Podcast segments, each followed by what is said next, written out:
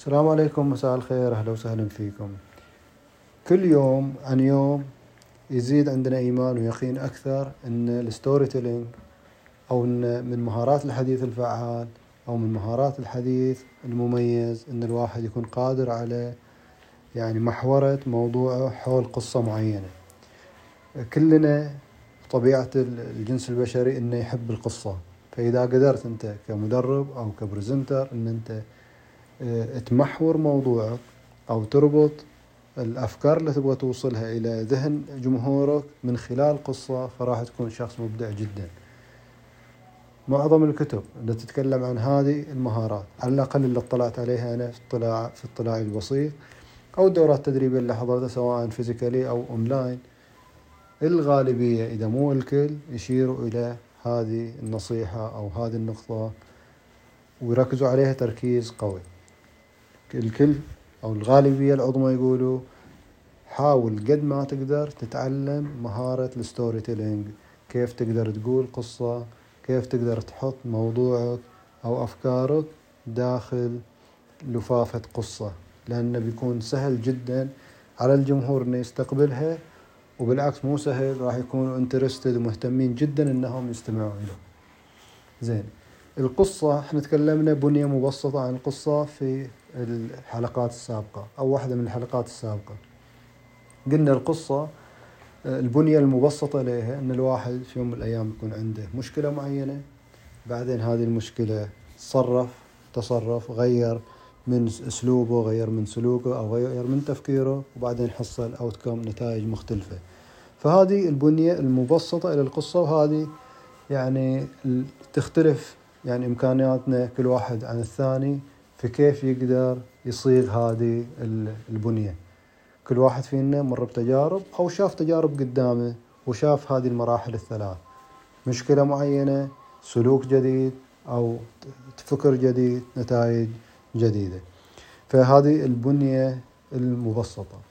قبل كم يوم لقيت بنية جميلة أو نموذج سماه آه، صاحبها أو مبتكرها واحد اسمه كريس ناسي ال last name حقه ولكن النموذج يقول النموذج سماه نموذج FEAR النموذج يتكون من أربع حروف أو أربع خلينا أقول أربع محطات حتى الواحد يقدر يسوي بنية بنية بنية لبناء قصة فعالة أو بنية لبناء قصة قادرة على آه، صناعة فرق في ذهن الجمهور.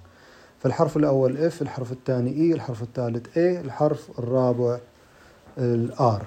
فكل حرف من هذه الحروف يشير إلى آه، محطة من المحطات. فحرف ال F يقول ال frame حرف ال E ال event حرف ال A ال adaptation حرف ال R ال result فيقول بالنسبة إلى حرف ال F ال frame يقول كل قصة إليها frame معين أو إليها إطار معين. فمثلا على سبيل المثال نسميه إطار نسميه سياق انت موضوعك مثلا عن الهندسة أو موضوعك مثلا عن آه، خلينا نقول برمجة أو موضوعك عن تنمية بشرية أو موضوعك عن إصرار موضوعك عن تخطيط موضوعك آه، إلى فئة عمرية مثلا آه، أقل من البالغين في فئات العمريه البالغين ذكور إناث أعمارهم مثلا في فوق الأربعين فوق الخمسين.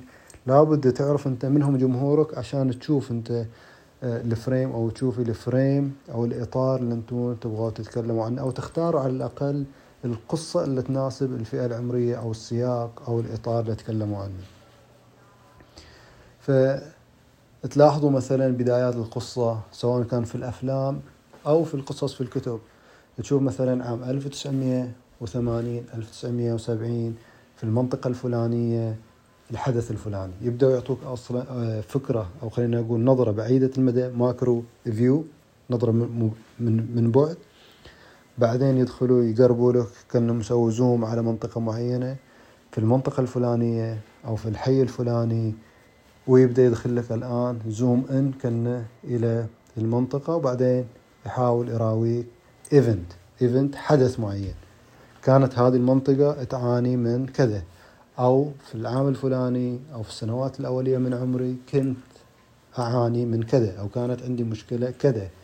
مثلا كان عندي مشكلة في الدخل كان عندي مشكلة مثلا في بناء العلاقات أو كان عندي ستريس أو كان عندي ففي فترة معينة من حياتك أو من حياة شخص مقرب إليك أو في منطقة معينة أو في عام معين كان في حدث معين.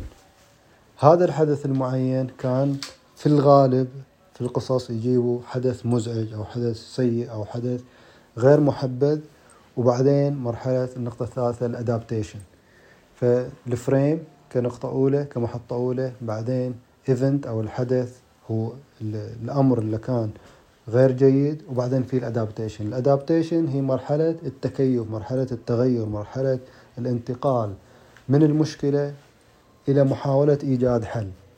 فيكون هناك مثلا يا فكر جديد يا مثلا فكرة جديدة جت في بالك وبدأت أنت تغير من تفكيرك وتبدأ تغير من سلوكك وبعد فترة تشوف نتائج تتغير في حياتك. أو شخص يدخل في حياتك شخص جديد هذا الشخص الجديد يكون تأثيره له تأثير في حياتك وبعدين يبدأ شوية تغيرات تصير في حياتك. أو لا أنت يمكن مثلا حضرت دورة تدريبية أو مثلا قريت كتاب معين شفت process معينة شفت نصيحة معينة بديت تطبق هذه النصيحة خلال فترة زمنية بتبدأ تشوف النتائج المعينة. ف آه، بالنسبة للمحطة الرابعة هي ال result هي النتائج اللي أنت حصلت عليها بعد ما عملت ال adaptation فهذه البنية بنية أكبر شوي من البنية اللي قلناها الأولية. مشكلة بعدين البنية الأولية قلنا الواحد يكون عنده في يوم من الأيام مشكلة بعدين يحاول آه، محاولات وبعدين يحصل نتائج. هذه FEAR نفس الشيء أو شوية فيها تفصيل أدق.